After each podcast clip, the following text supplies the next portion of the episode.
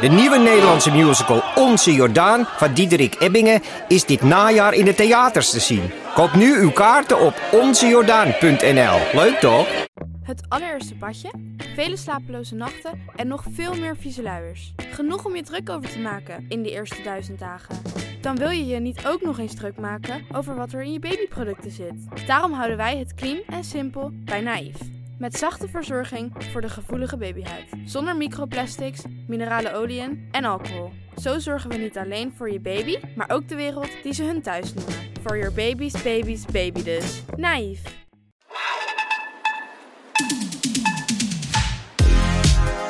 Welkom bij VSR, voorheen Schaamteloos Randstedelijk. De podcast over alles dat je wel bent, maar niet wil zijn. Mijn naam is George Smithuizen. Tegenover mij had net heel even een kerstmuts op.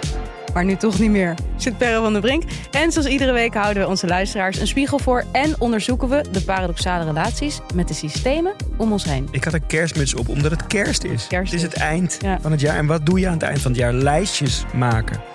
Normaal gesproken hebben wij één onderwerp. Dan nemen we je heel rustig, beheerst en doordacht doorheen. Vandaag doen we dat anders. Het tempo ligt gierend hoog. We rammen in een uur een heel jaar er doorheen. Dit is de enige aflevering die je niet op anderhalf keer uit kunt luisteren. Dit is de definitieve samenvatting van 2023. Maar eerst gaan wij naar de actualiteit.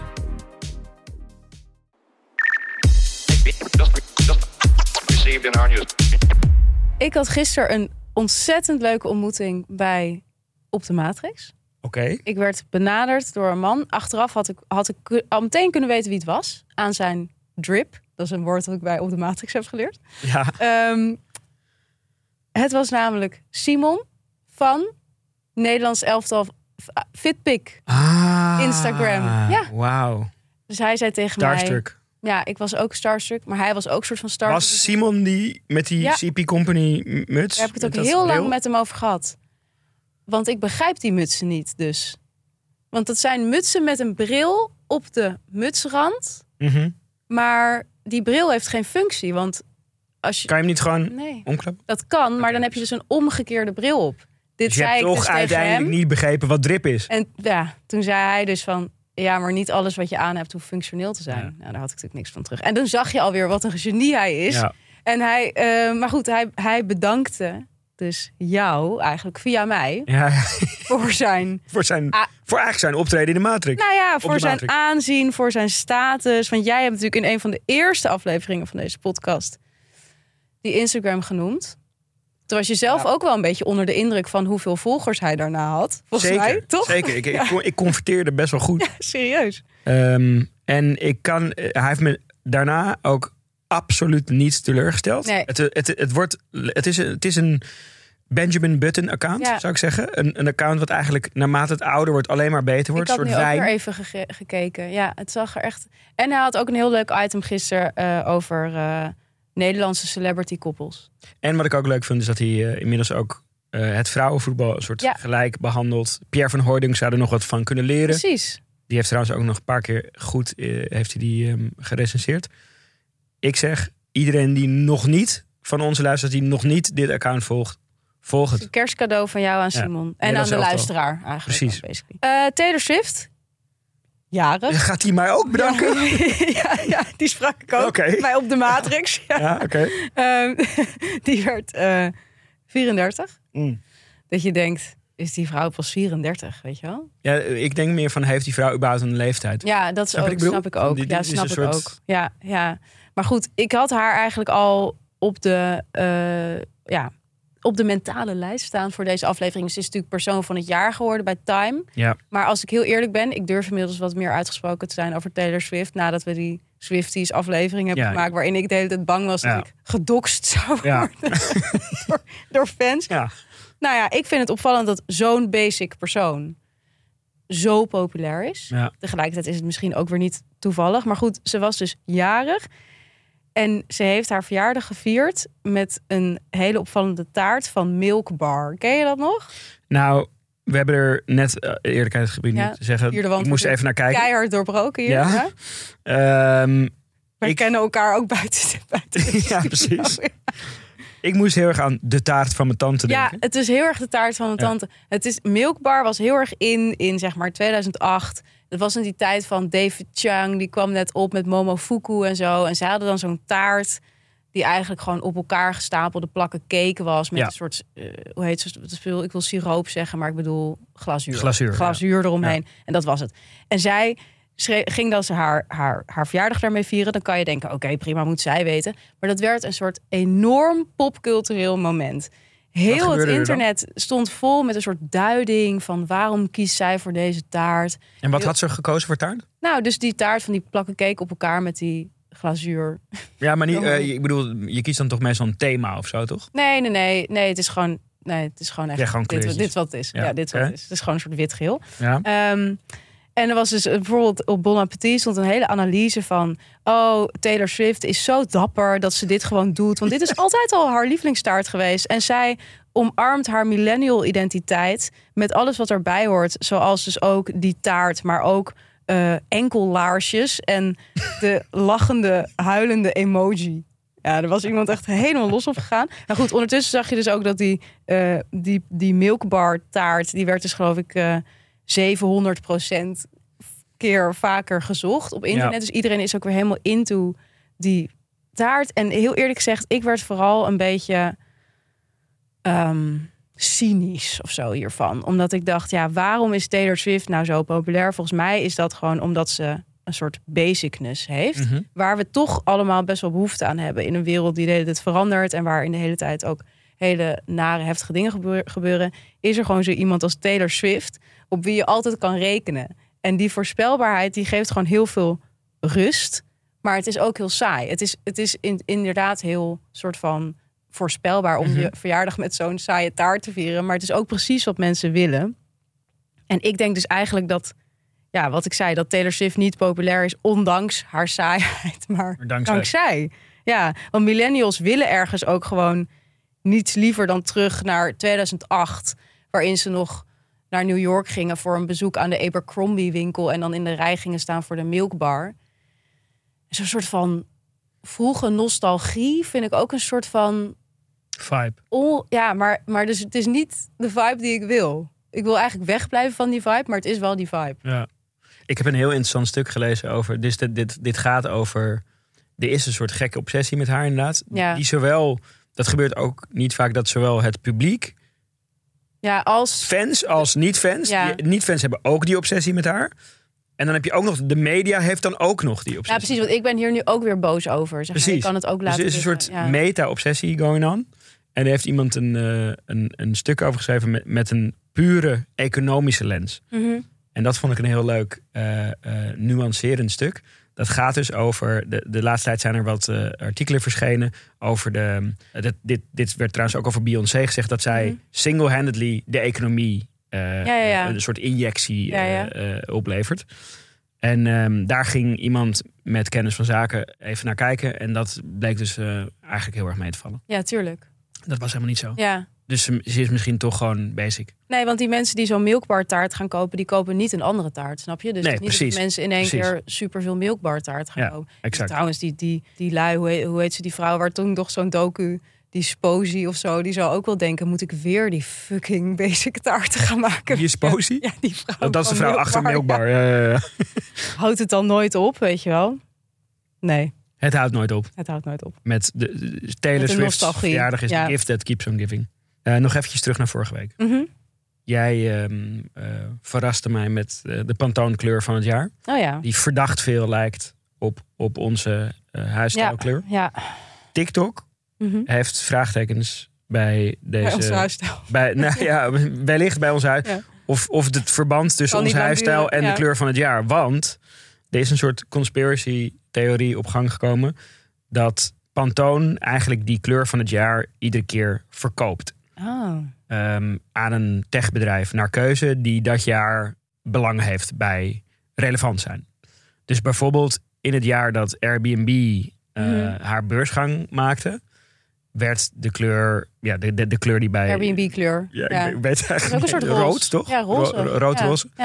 ja. Eh, dat werd de kleur van het jaar. Het is ook een keer Facebook blauw geweest, toch? Exact. Dus er, de, de- zo ontstaat er langzaamaan een patroon. En daar is TikTok dan mee in de weer gegaan. En ik kan van harte aanbevelen één specifieke TikTok van een vrouw die had een enorm dek hiervan gemaakt. Dus een presentatie die zij dan, eh, te- terwijl ze zichzelf filmt, geeft zij die presentatie aan haar vriend om uit te leggen: "Hi- dit stinkt. Ja, Hier, hier is iets. ze geeft die presentatie aan haar vriend. Ja, ja, en die vriend die zegt ook af en toe iets. Het is best wel, Ja. klinkt Grappig. veel kutter. Het is Nee, nee, nee, maar dit is sowieso een hele erge trend hè, op TikTok. Zeg maar presentaties in de privésfeer. Oh, echt? Ja, ja men, ik zag ook veel tieners die hun kerstverlanglijstjes zeg maar als presentaties, als decks aan hun ouders laten zien. Ik, dit, hier ga ik ja, ja, ik, dit is, ik eh, zie dit is- jou ook Ik hou van doen. deks. Ja, is niets wat ik liever doe dan een dek maken. Wat zou jij nu doen als je thuis een deck zou moeten doen? Voor kerst. Ja, zoiets. Of nou, ik, zou, ik, je ik denk dat je een, echt een superleuk Sinterklaas gedicht in dekvorm zou kunnen maken. Oh ja, Dat lijkt me, dat, misschien ga ik dat wel voor kerst nog even, nog even doen. leuk. Ehm, maar ja, dus, de, dus het gerucht is eigenlijk dat wij dus eh Pantoon hebben betaald. Eh, of heeft Pantoon ons betaald? Wie zal het zeggen? Oeh, Volgend jaar maken we het bekend. onthulling. Ja. Perre, ik heb gehoord, wij, wij hebben een open relatie. Mhm, Eh, mhm. In, in podcast eh, Ja. zin. Hè? Wij, Ja. wij, wij zijn niet exclusief. Ik bedoel, het gaat hartstikke goed. We hebben niks klagen. Maar Nee. af en toe maken we een uitstapje hier en daar. zo, zo, zo is En het. jij hebt er... Heb je nou twee in één week? Weet je nou twee? Ik, heb, ik, ben, ik, ben, ik ben echt hot nieuws in, de- Ja? in de podcast eh, deze week. Ik ben inderdaad in twee andere podcasts te, ge- te gast. Te gek, wou ik zeggen. Ook Ik leuk. ben ook te gek in die podcast, Ja. inderdaad. Eh, dat, tenminste, dat moet je zelf bepalen. Mhm. Maar ik dacht, deze aflevering is er voor de kerstvakantie. Ja, Mochten er nou luisteraars zijn die Nederlands elftal Tijd- Fitpix hebben ja, uitgespeeld. zij het over hebben. al helemaal bij zijn met onze aflevering. Alle afleveringen van de Matrix zo hebben teruggekeken. Exact. Ja. Jouw boeken al, Al mijn boeken hebben gelezen. Ja. Eh, als, je dat, als je dan nog steeds ons Ja. leuk vindt. ja. ehm, en je wilt meer weten over wat ik allemaal doe naast deze podcast. Ja. Dan zijn er twee Heel leuk. podcasts. De Sociale Innovatie podcast. En de Marketing podcast. The Brief. Waarin ik te gast ben. Echt leuk. Ik vind het ook goed dat ze overal consequent het over VSR hebben. Ja, niet Schara. Nee. Eh, daarop gelet? eh, nee, ik heb daar niets voor Gewoon doen. vanzelf. Ja, dit zijn marketeers. Hè. Die, die Die respecteren een dat, rebranding. die weten dat Die ik weten hierover pijn. ga praten. En dan, dat is alleen maar goed Precies. voor hen. Leuk, ik ga luisteren. Over marketeers gesproken. Ja, ze zijn nooit ver weg. Nee.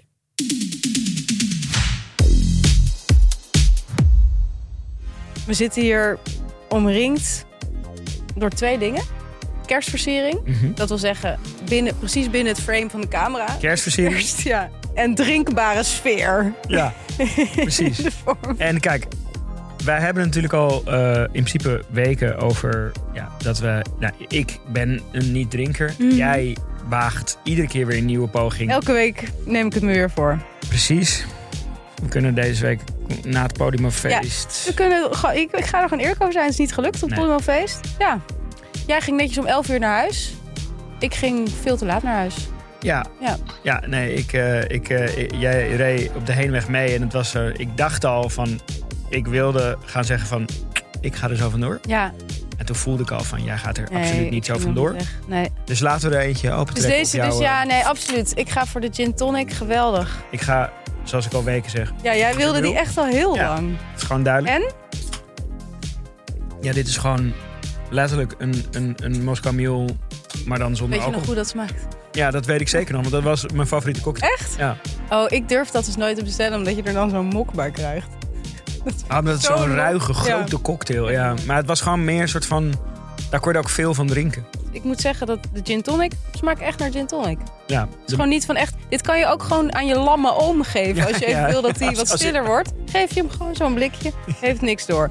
Eh, probeer ze uit, jongens. Tijdens de kerstdagen. De nieuwe mocktailblikjes van Royal Club. Verkrijgbaar in de smaken Mojito, Ginger Mule en gin tonic.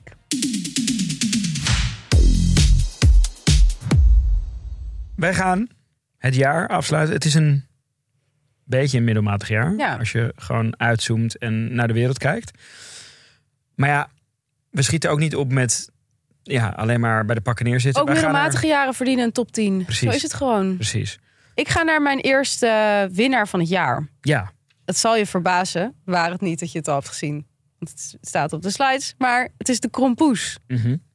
Waar denk jij aan bij de krompoes? Heb je er een gegeten? nee. Ik ook niet. Eh, het lijkt mij eerlijk gezegd best lekker. Echt? Ja. Ah. ja, ik bedoel, een tompoes is oké. Een croissant is heel lekker. Oh, heftige uitspraak. Ja, wow. Eh, samen, prima. ja, dus Ja. het dan richting heel lekker. Nou, ik had het idee dat de krompoes... Kijk, ik denk niemand vindt het echt leuk en lekker, dat ding. Volgens mij is er niemand die echt oprecht heel blij is dat de krompoes is ontstaan. Behalve misschien de krompoesfabrikant. maar bakker. die ene bakker die, die het allemaal zo moeilijk over doet. Maar je kan het ook niet echt haten.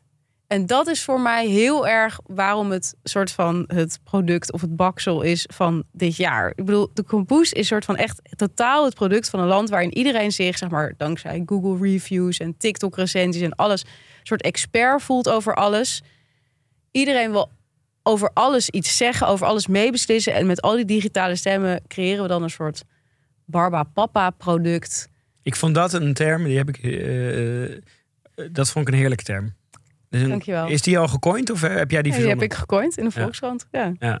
Kan ook. Kan ook eh, Maar, dat- maar dat is een product wat alles kan zijn. Ja, nou, gewoon dat het ge- gewoon. Je kan het niet echt haten, maar je houdt er ook niet echt van. Het is gewoon te, te zeer voor iedereen om echt interessant te zijn. En dat vind ik de kompoes. En wat vervolgens de kompoes ultiem eh, populair maakt, is dat het ook nog polariseert. Mhm. Dus het is net genoeg aantrekkelijk voor iedereen om er wat van te vinden. Dus of je vindt het leuk, of je vindt het stom, eh, of je vindt die hele hype onzin. Volgens ontstond er ook nog een soort van ruzie van... ja, mag de Albert Heijn ook een krompoes verkopen? Mag je het dan ook zo noemen van wie is de krompoes eigenlijk? Wie heeft echt de OG krompoes? Weet je wel, het werd een soort van...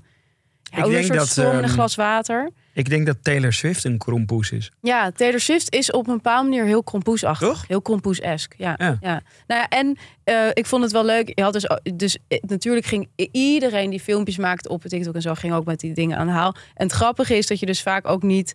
Dus dat leek me leuk om even te laten horen. Niet het verschil kon horen tussen zeg maar sketches Persiflage. en echt. Net ja. zo'n beetje bij onze podcast eigenlijk. ja, dat hebben wij soms ook. Oh my god, jongens. Iedereen heeft het erover. En het heeft iets te lang geduurd voordat ik het had. Maar ik heb het. Komt ie? De krompoes. te gek. Ziet er eigenlijk uit als een heel normaal croissantje. Alleen dan eh, met, ja, we kennen het van een tompoes. Een soort roze glazuurlaag. Eroverheen in het midden eh, het bakkersroom. En het schijnt geweldig eh, te zijn, als ik de media mag geloven. Nieuw. Helemaal een trend. Eh, ik heb hem hier liggen. Ik heb er twee uur voor in de rij gestaan. Oké, ik heb eindelijk de kompoes gekocht. Beter laat dan nooit. En ik ben heel benieuwd. Hij is echt gewoon net zo groot als mijn hoofd ongeveer. We gaan het zien. Waar de, trom, de krompoes een uiting van is. Ja, vertel. Ja, dit, dit- ik, ik ben een soort broken record. Ik weet het. Maar ja, we zijn het jaar aan het eh, Mhm. afsluiten. Dus ik mag het nog één keer opbrengen. Ja. Hierna nooit meer. Dit is de Nee. laatste keer. Nee, maar het gaat, het, uiteindelijk is het, leidt het ergens anders naartoe. Oké, leuk. Ik heb het al heel vaak over dat stuk The Age of Average Ja. gehad. We leven in een algoritmische realiteit. Daardoor lijkt alles op elkaar. En verdwijnt eigenlijk Ja. al het karakter van alles uit de maatschappij. Weet je waar ik laatst nog over nadacht? Jij had dat punt gemaakt over dat mensen er allemaal hetzelfde uitzien. Weet je wel, al decennia. Ja. Ja. Maar ik vroeg me af, oké. Wij gaan eh, over, overmorgen gaan wij op kerstdiner. Mhm. Met, ook met Timo en Julia.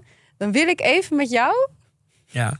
de Benelux bar inlopen. En dan wil ik dat jij even om je heen kijkt.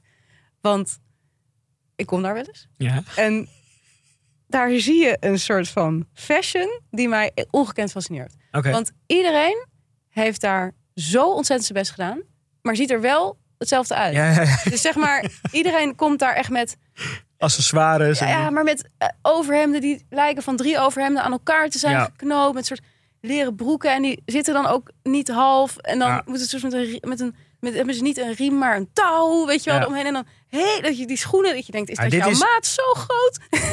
maar, dat, en, maar dus iedereen. Dit Dat- is dat ultieme Age of Average.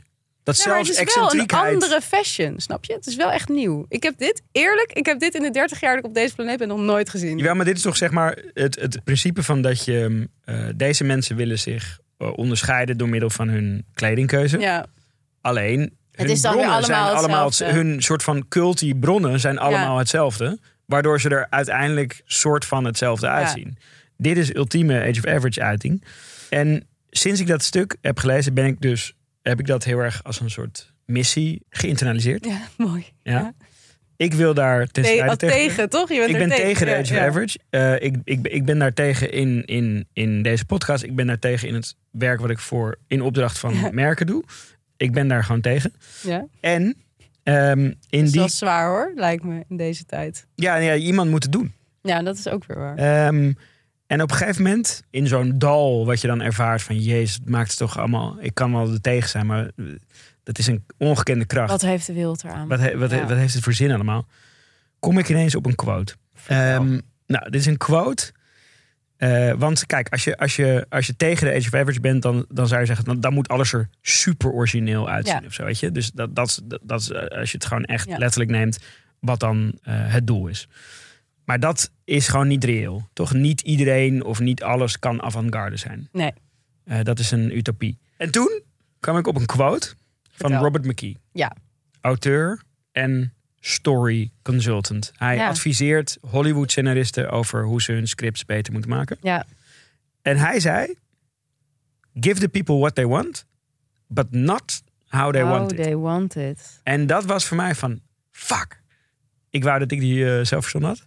Want dat, Dat betekent dus ik. niet dat alles avant-garde hoeft te zijn. Ja. Je moet wel gewoon luisteren naar wat de, de, de mens wil. Mhm. Maar je moet gewoon in vorm origineel zijn. Ja. En dat is het beginpunt van het einde van de Age of Average.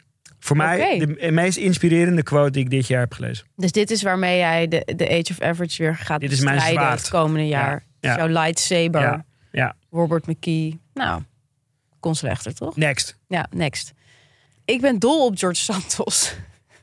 Echt zo raar. Ik, ik, Ja, ik, ik, ik, ja inderdaad. ik ben zo'n curve doorgegaan met die tijd- man. Ja, maar ik bedoel, het is natuurlijk een vreselijke... Het is echt een rel-republikein, zou ik Ja, hem wel willen een, noemen. Een charlatan. Zou, Ja, en zou ik- charlatan, we hebben het al eerder over die man gehad in deze podcast. Ehm, hij heeft een heleboel bij elkaar gelogen om vervolgens ook weer allerlei Mhm. ontzettend laakbare dingen te gaan doen in de Amerikaanse Senaat. Toen is hij daaruit afgezet. Nou ja, en nu gedraagt hij zich als een soort. Hij is eigenlijk echt de politicus 2.0. Want eerst bluft hij zich dat Senaat in. Dan creëert hij een soort imago voor zichzelf. Ja. rooft hij even die hele partijkas leeg om Ja. zichzelf een soort gezicht aan te met je denkt. nou, dat het allemaal nog Die doet. had hij ook gedeclareerd, toch? Had hij dus Ja. gedeclareerd. Maar dingen als 1500 dollar aan botox. Ja, Ja. je denkt, hoeveel kan erin? Maar nu, hij, ja, hij heeft natuurlijk gewoon geen baan meer. Nee. En hij is natuurlijk gewend aan een heel dik salaris. Want die mensen verdienen bijna 2 ton of zo. Ja, senators verdienen goed. Nu, wat hij dus onder andere doet, is filmpjes op Cameo Ja. verkopen. Dat is die website waar je dan mensen... Wij worden daar heel af en toe ook voor gevraagd. Maar we gaan er nooit op in. Ja. Ehm, waar je dus eh, voor geld kan je dan mensen een fijne verjaardag... Ik zie jou echt Moeten dit niet- waarom doen we Ja, dit eigenlijk nooit? Nou, dat dat wordt hebben we het straks zo even over waarom we dat niet doen. Maar hij doet dat dus wel. Dus je kan hem gewoon een, voor 500 dollar of zo... eh, Ja, hij drijft zijn prijzen op, hè? steeds duurder. Het begon met 150. Ja. Dat was echt stiep. Dat je nog kunnen doen. Ja. Maar goed, dus hij eh, eh, wenst allerlei mensen een eh, fijne verjaardag en dat soort dingen. Ondertussen, je, je kan zeggen van wat treurig, maar hij, maakt zichzelf de hele tijd relevant. Hij blijft maar relevant. Hij had nu dus ook een interview, daar hebben Timo en ik vandaag enorm van genoten. Met Z-Way, zo'n hele leuke YouTube-journalist, had hij een interview gegeven. En het gaat gewoon over alles behalve politiek. Dus bijvoorbeeld, stelt zij een vraag aan hem en die vraag is Nicki Minaj. En dus zijn antwoord, Vraagteken. zijn antwoord is Queen. ja, dat soort, dat soort teksten. En dan, en dan daarna gaat, gaat snel? hij ook Was zeggen het van... meteen? Nee, nee, nee. Ja, het was echt heel snel. Ja. Het leek ook echt half geacteerd. Dat, en dan gaat hij zo... Nee, nee, nee. Je gaat me niet zo ver krijgen om een Nicki Minaj lyric te laten rappen. En dan één minuut later zit hij die lyric te... Het is zo bizar. Nicki Minaj. Queen. You're are you a Nicki fan? Yeah. Prove it. I'm not gonna do. I'm not spitting verses for you. Pull up in the monster automobile. Gangsta with a bad bitch that came from Sri Lanka. Maar ik dacht, dit is gewoon de perfecte verpersoonlijking van wat politiek nu is. Een politiek Give the people what they want. Dat houdt niet wat. ik had ook niet verwacht dat ik vandaag al twee keer dat YouTube-interview. Ja. Maar politiek is gewoon een baan geworden voor degene die het meeste aandacht op zichzelf kan vestigen. Want je kan lachen om zo'n Santos en denken: Jezus, wat een zielige vent. Die is zichzelf aan het afserveren. Ja. Maar Trump is ook gewoon president Ja, van Amerika ja, geworden. Dus ik weet niet. Ik denk echt dat deze man, daar gaan we nog heel veel van horen. Ik weet niet of ik er zo enthousiast over ga blijven. Waarschijnlijk niet. Maar voor nu zou ik zeggen, kijk even naar die filmpjes. PR-specialist van het jaar. Ook. Ja. Social posts. Vertel. Er zijn er, zijn er heel veel van. veel van. Ja. Ik dit jaar weer. Ja, dat waren- dit was het jaar van de social post. het jaar van de post. Gigantisch Ja. Eh, er is een, eh, ik zag een tweet eh, Mm. waar ik echt heel hard om moest lachen. Het was van een, van een tech-ondernemer. Kijk jij dan op Twitter of op X of zo? Hoe, hoe zie jij dit eigenlijk? Ja, ik, ik, ik, ik ben een Twitter-lurker. In Lurker. Oh ja? En dit kwam volgens mij weer via Reddit of zo. Ja, ik weet, ik Ah, weet het niet meer. Ik heb laatst mijn account verwijderd. Ja, Ja. Het, ik doe daar ook verder niet zoveel mee, behalve dan af en toe kijken. Maar deze persoon, dat is een techondernemer, in, zijn, in, het, in de bio van zijn bedrijf, om een beetje een soort van kleine schets van deze man, staat healthcare without the financial headache. Dus een, je weet wat voor type, soort echt een tech bro. Oké.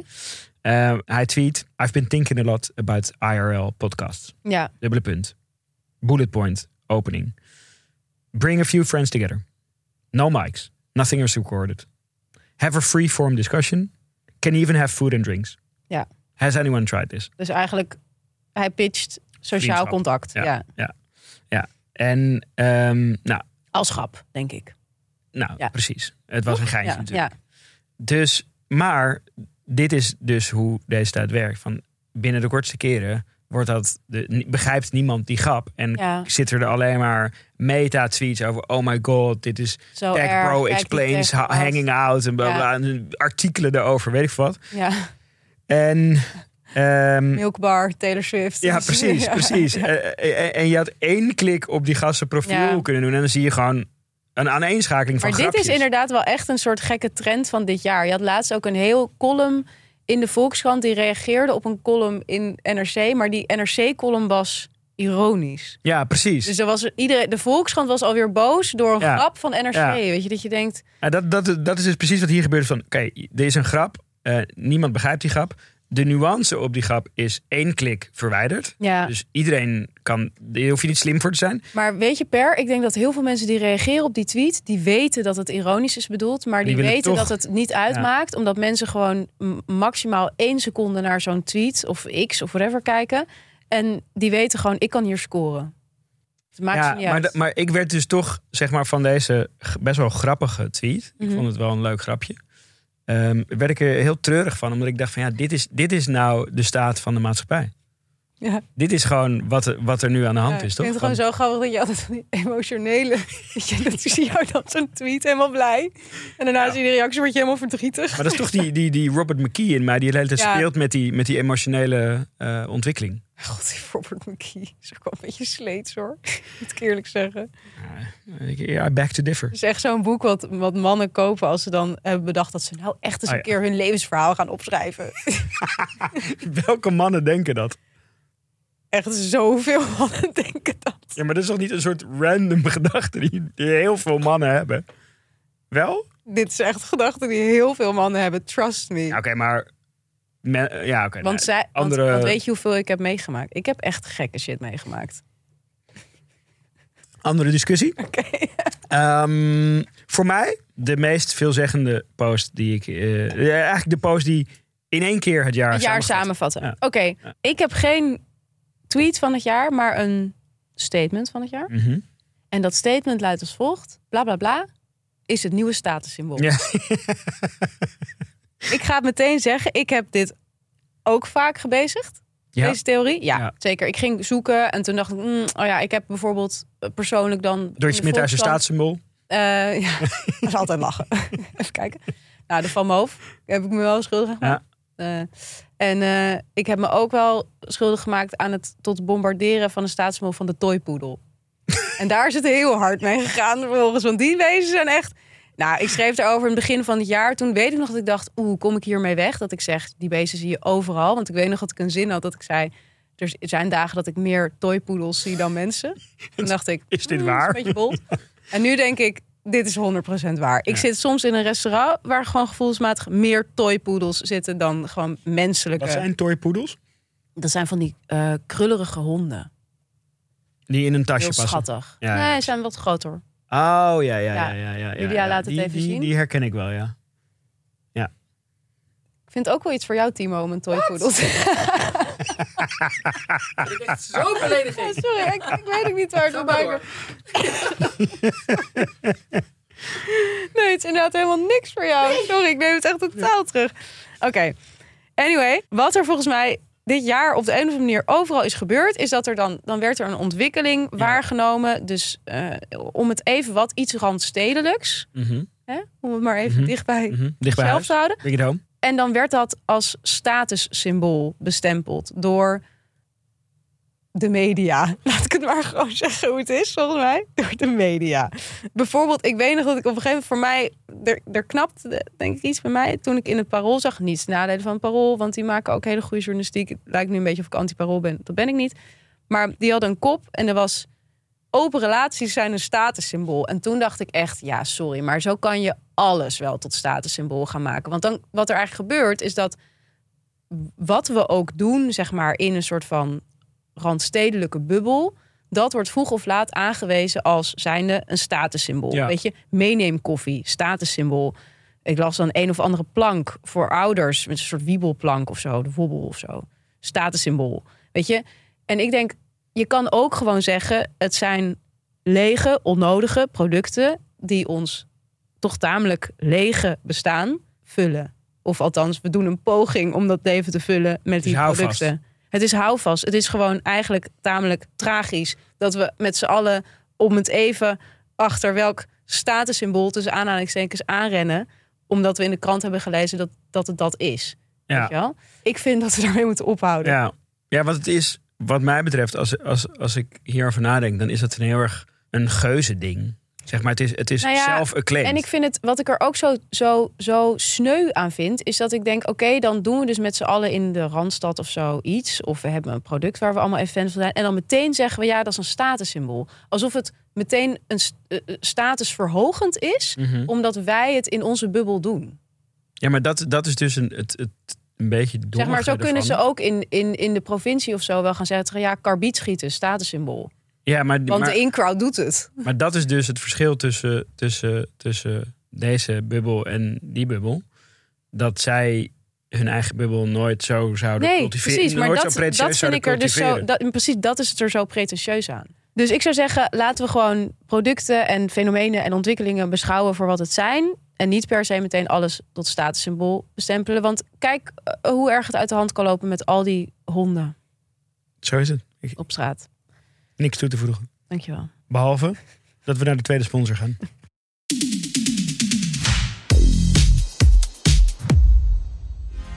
Van de Bron als sponsor is terug van weg geweest. Van de Bron is het energieplatform met een missie. Zij brengen vraag en aanbod samen van goede energie. En ze bieden innovatieve toepassingen waardoor je slimmer met energie kunt omgaan. En zo werken wij toe naar 100% duurzame energie. Ja, Perre, een maand geleden beloofde jij aan mij en aan de luisteraars Ja. om de app van Van der Bron te gaan gebruiken om te weten wanneer er groene stroom wordt opgewekt, zodat jij door je eigen energiegebruik ook je steentje kan bijdragen aan de energietransitie. Nou, en die gaat jou enorm aan het hart. Ik weet dat jij dat belangrijk vindt. Dus Absoluut. vertel, hoe Ik is dat, Ik gegaan? heb dat ook met, met een hand op een bijbel heb ik dat ehm, eh, beloofd. Die groene stroomvoorspeller is een app op je telefoon. En die laat eigenlijk een soort voorspelling zien van hoeveel groene stroom er waarschijnlijk wordt opgewekt die dag. Ja, ik heb dat inderdaad gedaan. Ik heb die, ehm, eh, ben die app gaan gebruiken. En eh, op die app kan je dus eigenlijk een voorspelling zien van wat er vandaag en morgen eh, beschikbaar is aan de hoeveelheid groene stroom. En dat is handig, want dan weet je dus op welk moment je het beste groene stroom Mhm. kunt gebruiken. Eh, en dan kan je een beetje daarop anticiperen. Meebewegen. Met vraag en aanbod. Meebewegen. Ja. Ja. vooral met aanbod Ja. in dit geval. En dan kan je dus bijvoorbeeld op dat moment je vaatwasser aanzetten. Of Ja. op dat moment een wasje draaien. Of op dat moment een elektrische auto opladen. En dat geeft gewoon een goed gevoel. Dat kan ik me ontzettend goed voorstellen. Nou, wil je nou ook zo'n supergoed gevoel? En ik kan me gewoon niet voorstellen dat je dat na deze tutorial niet wil. Ontdek dan hoe Van der Bron je kan helpen met je energieverbruik. Slim plannen op vandebron.nl.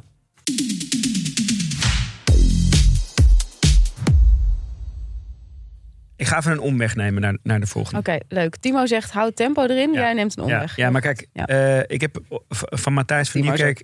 Matthijs van Nieuwkerk maakte altijd een monumentje voor iemand. Ja, ik weet Dat niet of het al het moment is om Matthijs van Nieuwkerk als je Is dat, ja, is het- inspirator... ik zou het nog Kan het- niet doen persoonlijk, maar je moet het zelf weten. ik wil heel, heel veel kleine, kleine ode brengen aan iemand. Oké, Ehm, iemand die iets doet waarvan ik vind dat het te weinig gebeurt in 2023. En dat we er juist heel veel behoefte aan hebben. Oké. Ehm, hij is een maker. Hij, maakt, ehm, hij is radio-dj en hij maakt podcast. En hij heeft een soort speciale gave dat hij je mee kan nemen in een, in, een, eh, in een wereld die even interessant is als je er wel gevoel bij hebt. Eh, wat zijn, zijn podcast en, en, en radio gaat over elektronische muziekcultuur. Daar heb ik wel een interesse en verleden in. Dus ik, ik vind dat sowieso interessant. Mm. Maar hij, maar hij maakt het op zo'n manier dat het voor iedereen interessant wordt. En dat vind ik echt een, eh, eh, dat is echt een talent als je dat, als je dat kan. Als het zowel voor een, iemand die ingelezen in zo'n ding is, als voor een eh, leek heel interessant kan zijn. Het gaat over Justin Verkijk. Ehm, hij zit achter de podcast Bakkie Bakkie. Dat is een hele leuke podcast over elektronische muziek. Waarin iedere keer een artiest centraal staat. Hij kreeg een tijdje geleden een wekelijkse show op eh, 3FM. Dus op de soort lineaire Mhm. klassieke radio. Mhm.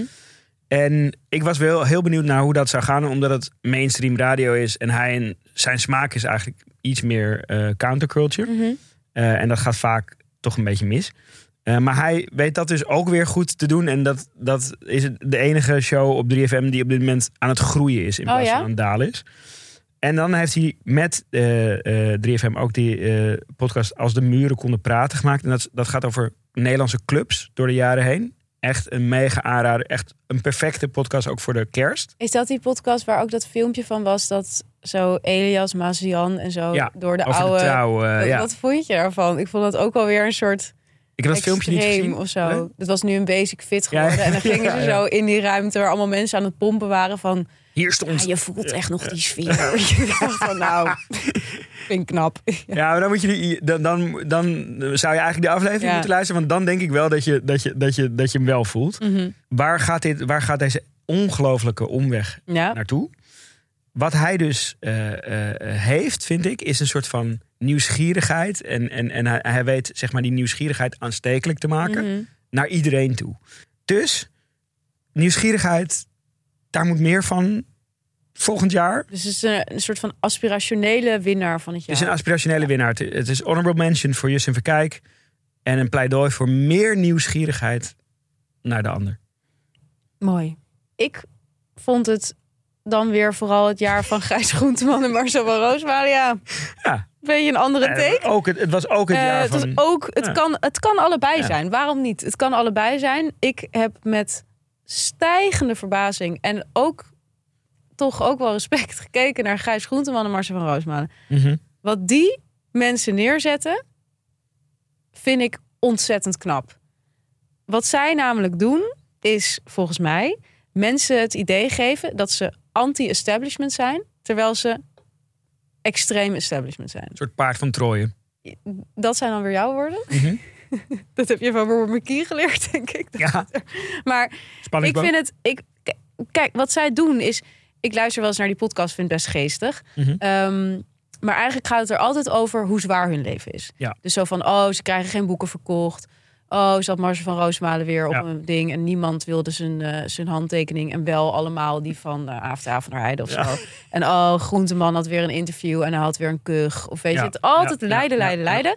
Eh, ondertussen zijn die mannen ongekend succesvol. Lukt het hen om bijvoorbeeld voor zowel de commerciële omroep als de publieke omroep te werken? Wie lukt dat? Mhm. Wie lukt dat zonder gezeik? Is allerlei juice op die mannen afgekomen dit jaar? Boeit niet. Kleeft ze niet aan. Ma maakt totaal niet uit. Zijn En ze blijven een soort van gewone man-uitstraling hebben of zo. Weet je wel? Dus bijvoorbeeld ook Boris van ons kantoor. Mhm. Ik weet dat hij elke dag naar hen luistert. En hij vindt dat echt fucking mooie gozers. Ja. Weet je wel? Hij vindt dat zo herkenbaar en zo. Terwijl die mensen zijn niet herkenbaar. Want zij zijn gewoon, weet je wel, eigenlijk de meest succesvolle mannen van media op dit moment. Maar ze blijven iedereen die naar ze luistert een soort gevoel geven dat ze niche dingen luisteren. Of dat Mhm. ze naar de tegencultuur aan het luisteren zijn. Ja. Ik kan daar nog heel veel meer over zeggen, Ja. maar ik ga dat niet doen. Ik ga het hier gewoon bij Ja, laten. laat het hierbij. ik vind het namelijk toch ook best wel knap. Ik zag dat Gijs Groenteman nu zijn eigen cultuurprogramma krijgt. Ja, het is gewoon eigenlijk het hoogst haalbare binnen de NPO Olympus, zeg maar. Ik weet inmiddels hoe moeilijk het is om daar een programma te krijgen. Ja. Nou, ook daar zou ik het al even bij willen Het laten. is eigenlijk een soort, soort ode aan ongrijpbaarheid. Nou, vind ik wel weer heel mooi, Per. Volgende. Eh, ja, ik, ik wilde ook nog iets zeggen over ehm, de, re- ja, de realiteit van de soort oorlog en genocide die Mhm. in Gaza gaande is. En dan meer een soort mediatheek daarop. Ja.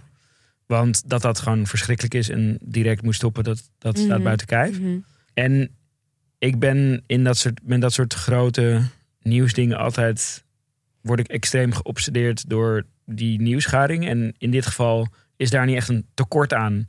En als je dat maar blijft consumeren, dat is ook wel best wel intens. Ja.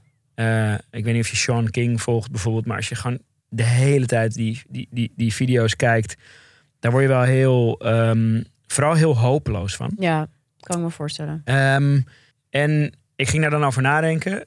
En wat ik dan wel weer interessant vond dit jaar, om het toch een beetje soort media te houden, was dat je dan eh, in zo'n tijd een soort van gaat hangen naar iets lineairs en traditioneels als televisie. Ja, Eh, omdat je dan nog een soort gezamenlijke ervaring het is bijna een soort van inderdaad media cultureel roken of zo. Dat je inderdaad Ja. zin krijgt om het acht uur journaal te Ja, Ik krijg ja, dat echt in zo'n tijd. Ja. Ja, en, en wat dat betreft vond ik eigenlijk, als ik het, als ik het meest memorabele mediamoment van het jaar, vond ik dan dus die eh ehm eh, Khalid en Sophie uitzending, waarin Ramsi Nasser even een monoloog deed. Mhm.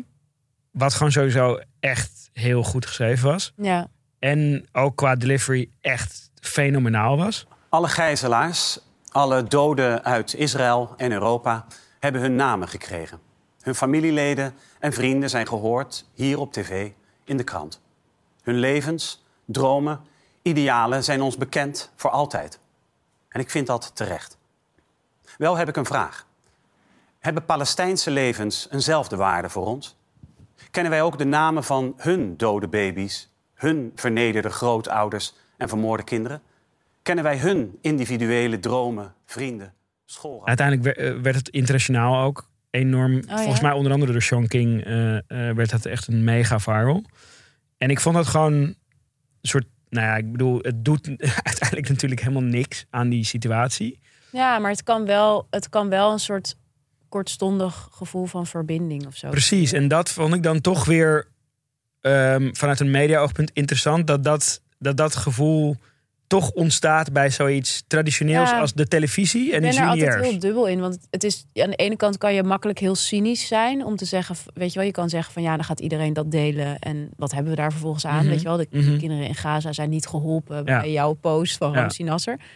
Maar anderzijds, als er zoiets gebeurt of zoiets gaande is waar het heel moeilijk woorden voor vinden is, ehm, is het wel heel.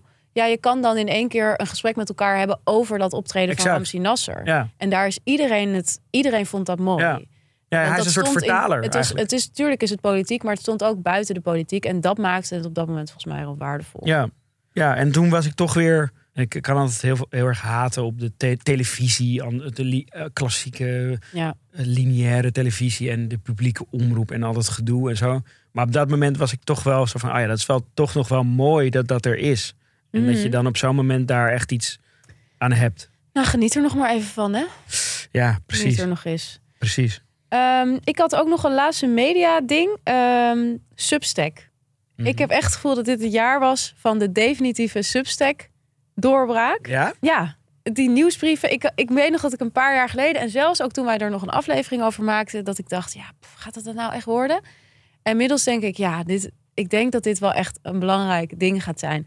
Vooral ook als je kijkt naar het medialandschap, zeg maar. Dus we komen echt in... eh, nu uit echt maanden van stakingen, CAO-onderhandelingen bij zowel Mediahuis als DPG. Mhm. Uiteindelijk is er nu een, een akkoord sinds gisteren. Ik zit in al die appgroepen. Dus er waren Oh ja. allerlei stakingen voor. En uiteindelijk was het zo van: oké jongens, de staking hoeft niet meer. Want ze krijgen volgens mij bijna 10% loonsverhoging vanaf januari. Mhm. Eh, dus dat is supergoed. Mhm. Maar aan de andere kant zie je ook in die substacks, waar ik er dan een aantal van volg, dat het ook echt anti-traditionele media kan zijn. Dus Mhm. bijvoorbeeld, je hebt eentje van, ik, ik las vroeger, vroeger wel eens het, de titel Man Repeller. Mhm. Dat is opgegeven. Dus al die vrouwen Ja. hebben nu een soort van hun eigen toko. En dan heb je er eentje van een oude auteur daar. Die heeft die heet, heeft gewoon een substack en die heet New Yorker Rejections. Het zijn gewoon al haar afgewezen stukken voor de New Yorker. Dus dan deelt ze zeg maar die mail met Heel het goed stuk. format. Heel geestig, ja. Maar bijvoorbeeld ook natuurlijk Jonas Kooijman, die we dan nog in onze eigen show hebben gehad, die ook gestopt is bij NRC om dan helemaal met zijn nieuwsbrief eh, aan de slag te gaan. Want daar verdiende hij gewoon veel meer mee en wilde die vrijheid hebben. En het is natuurlijk, ja, het is natuurlijk ook echt steeds moeilijker om als freelance journalist rond te komen. Mhm. En met zo'n nieuwsbrief kan je van een best wel klein, wat jij ook zei, van je hebt maar tien superfans nodig of Ja. 100 superfans nodig om dat te gaan doen. Dus volgens mij is dit echt een soort. Ik heb het idee dat dit toch een soort kanteljaar is geweest eh, voor de nieuwsbrief. En terwijl ik dit dus aan het voorbereiden was, werd ik zo enthousiast over nieuwsbrief dat ik zelf een nieuwsbrief ben begonnen. ja, serieus. Ik dacht, ik ga dat gewoon een keer proberen. Ik zoek ook al, daar hebben we het heel vaak over, al heel lang een hobby. Mhm. En dit is echt zo ontzettend leuk om te doen. Ik ben hier helemaal, ik ben hier, ik ben hier al, al serieus, zonder overdrijven, ben ik hier al twee dagen helemaal door opgezogen. Het is zo leuk om zo'n Ik hou, ik hou van dat je het voor jezelf hebt geframed als hobby. dit, zou, dit zou ik gezegd kunnen hebben. Waarom vind je Hobby, content consumeren. Content creëren is mijn hobby. Ja. Precies. Nou ja, maar het is, het is wel weer een hele andere manier van eh, dingen delen. En nou ja, het, ik, ik ga- die nieuwsbrief dus beginnen. Ik, ben heel benieuwd of het gaat werken. Ik heb wel dus bedacht, ik ga wel een betaalde nieuwsbrief Mhm. beginnen. En dat is niet zozeer omdat ik er geld mee moet verdienen of dat per se wil. Maar omdat ik een soort van in-crowd wil in mijn nieuwsbrief. Dus mensen die die nieuwsbrief eh, lezen, die moeten die nieuwsbrief ook willen lezen. Want ik ga er best wel weet ik veel, wat persoonlijker dingen in delen dan ik misschien in mijn stukken doe of op sociale media. Ja, en dan wil ik wel dat ik een beetje weet wie het publiek is, zeg maar. Maar Ja. ik ga ermee beginnen. Ik heb er echt heel veel zin in. Het is zo'n vrij platform. Je kan er alles opgooien. Ja, je- ze, ze, ze zijn ook steeds meer fe- features aan het toevoegen. Ook dat je video kunt integreren en, en, en, en alles. Ik ben wel benieuwd wat het... Want dit, dit is natuurlijk al een paar jaar een soort van reizende. Mhm. Ehm, en ik ben wel benieuwd wat, het, wat de toekomst van het model gaat worden. Want eh, ik ben zelf, denk ik... eh, ik heb denk ik vijf of zes betaalde nieuwsbrief eh, Ja? ehm, abonnementen. En het begint nu, nu, nu als ik een nieuwe zie, dat ik denk van ja, die wil ik eigenlijk ook wel. Dan denk ik toch van ja, fuck, het is best wel. Ja, Tikt, jij tikt wilt op een gegeven moment aan. bundel voor nieuwsbrieven of zo? Nou ja, ik, dat lijkt mij een logisch vervolg voor Substack. Als Ja, je echt, ja. echt massa wil, dat er een soort Spotify eh Ja. eh, all you can eat model opkomt. Waarbij jij gewoon eh, Ja. jouw lezers als soort royalty krijgt. Ja, ik, vind, ik, ik ben wel echt... Ik dacht gewoon in één keer, fuck it. Ik ga gewoon op deze trein. Maar wat Ik- vind je dan van, van wat het... Want het is natuurlijk een, een, een reëel gevaar voor wat meer klassieke titels. Eh, ehm, Het is natuurlijk super interessant. Het is echt wel... Het, het zou echt heel veel kunnen veranderen. Ja, nee, zeker. zeker. Nee, het, het, het, eh, ik denk dat als ik, als ik, een, als ik een NRC of een Volkskrant was, Ja. zou ik doodsbang worden van, de, van deze. Van het nieuws dat ik een nieuwsbrief ben begonnen. Oh god, ze houden hun hart vast. daar Zullen we een linkje in de show notes plaatsen? Ja, hij is heel makkelijk. Het is namelijk doortje.substack.com. Nou, Die was nog vrij. Ja. Heerlijk. Eh, ik zie jullie tegemoet op mijn nieuwsbrief. Ik heb een onverwachte eh, trend waar ik fan van ben. Oké, Het was een trend waar ik eerst weerstand bij voelde. oké. Ik, ik vergeleek het met auto's. Stel, je hebt elektrische auto's. Mm, Die worden dan langzaamaan geadopteerd door mensen. En je ziet in, dat is eigenlijk een betere optie voor, voor het klimaat om elektrisch te rijden. En dan ineens, als dat een beetje gaande is, kom- komen er hybride auto's. Ja, ja, ja. Dat voelt dan Denk als een soort stap terug. Ja, ja, snap ik. Ehm, ik zit natuurlijk met, die, met, die, eh, met dat vleesalternatief, de nieuwe keuken, Mhm. wat eh, een van Ik mijn activiteiten is. Ik eet het inmiddels bijna elke week. Precies. Ehm, daar, ik, zit, ik zit in die wereld en dan volg je gewoon wat er, wat er, wat er gebeurt. Mhm. En er kwam al een tijdje geleden een, eh, een trend op, hybride vlees. Nou, sowieso een vrij gore naam. Zo vies, ja. eh, een hele slechte, slechte naam voor deze trend. Maar dat gaat dus over vlees wat deels uit dierlijk vlees bestaat en deels uit plantaardige Echt? producten. Nou, trouwens, het is niet eens zo raar. Want weet je, ik ben wel eens in China geweest. Weet je wat ze daar doen? Daar werd ik helemaal gek van daar. Want ik wilde, ik eet eigenlijk gewoon liever geen vlees. En dan doen ze dus in tofu vlees. Ja. Dus Nee, daar hebben ze eigenlijk al hybride Ja, nee, nee, vlees. precies. Maar mijn eerste reactie op dat ding was van... Jezus, wat, wat, wat is het voor... voor eh, kom op, we zijn net bezig Ja. met, die, met die transitie, zeg maar. En toen dacht ik weer terug aan de anatomie van een transitie... in een van onze eerdere afleveringen. Het duurde lang. Het is een marathon. vaak aan terug. Ja. Geen Sprint. Nee. En misschien, dacht ik, is die is die plantaardige trend dan eigenlijk iets te snel gegaan ten opzichte van het normale tempo van een transitie. Dus het werd soort woke om dat te doen. Dus gaat iedereen zich daar berichten. Ook merken die dat misschien eigenlijk in de kern niet zijn. Mhm. En daardoor hebben heel veel mensen een soort weerstand ontwikkeld tegen de term vegan of de term vegetarisch. Ja, ja. En wat je dan dus ziet, is dat er in de horeca, eh, als je een menukaart hebt, alles waar een V achter staat, van vegan of vegetarisch, dat wordt minder besteld. Oh ja. Terwijl als je hetzelfde gerecht zonder V Ja. erop zet, dan maakt het niet uit. Mhm. Eh, dus het is gewoon puur die weerstand die mensen voelen. En toen dacht ik ineens van, oké, misschien is dat hybride vlees dan wel eh, eigenlijk een blessing in disguise.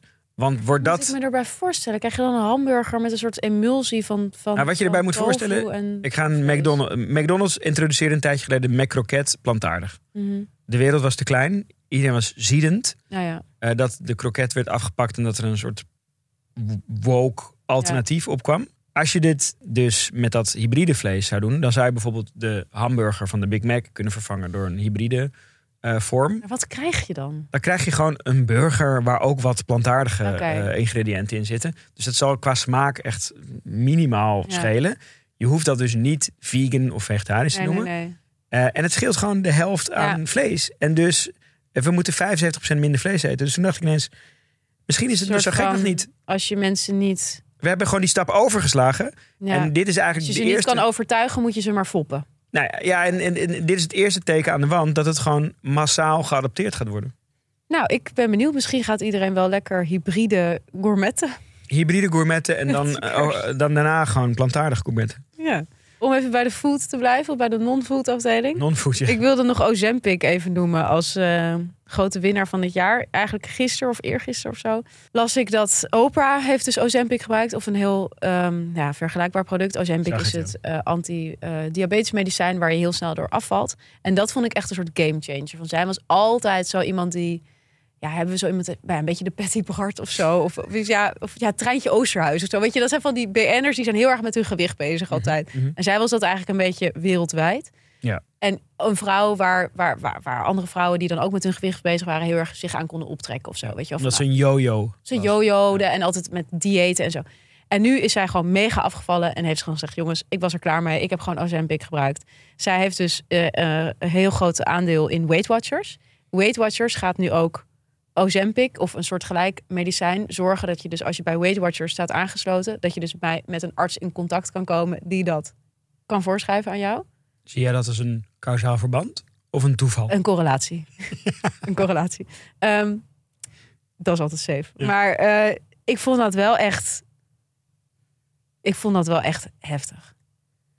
En ik het dacht. normaliseren van dat, Ja. dat medicijn bedoel je? En aan de andere kant zei zij dus van ik ben klaar met die shaming. Dus zij zei ik vond het gewoon super moeilijk om af te vallen. Ik was mijn hele leven eigenlijk eh, woog ik te veel, had ik Ja. een te hoog BMI en nu niet. Dus ik heb eigenlijk geen zin om me daar nu over te verontschuldigen. Zijn er een soort side effects van het Ozempic? Nou ja, het is gewoon op een bepaalde manier zoiets als een maagverkleining. Hè? Ik bedoel, je, krijgt, je hebt gewoon geen honger meer. Ja. En Dus dat voelt- is natuurlijk in principe voor mensen die echt te dik zijn, is dat hartstikke goed. Of is het, kan dat leiden tot een gezonder gewicht. Maar het ding is natuurlijk dat het ook wordt gebruikt door mensen die gewoon hartstikke dun zijn. Mhm. En die gewoon nog dunner willen Ja. worden. Dus dat vind ik wel een soort van, ehm, ja, zorgelijk. Om dan toch maar met iets zorgelijks. Omdat zij met zo'n grote invloed dat ja, dan... als dat een gemeengoed wordt, Ja, ja denk- dan zijn we gewoon weer terug dan- in de soort van de heroin chic tijd. Ja, ik zit dan gewoon te alleen maar te denken... dat dit is gewoon, een dit is gewoon Weight Watchers en Oprah. eh, die hebben gewoon een deal. Eh, zij gaan het introduceren. Ja. Zij katapult het de, de, de hemel in. Natuurlijk. En die heeft gewoon een kickback daarop. En Nou ja, en dat is natuurlijk een ultieme manier voor Weight Watchers om weer ontzettend populair te worden. Want iedereen wil dat spul hebben en niemand weet hoe ze eraan kunnen komen. Ik dacht trouwens. Want waar heel- haal je dat dan? Ik- ja, bij een arts. Ik Ah, dacht trouwens heel veel dat je ging zeggen. Ja, ik zit gewoon te denken, dit lijkt me ideaal, want ik ben gewoon altijd zo druk. En als ik dan nooit honger heb, hoef ik nooit meer te eten.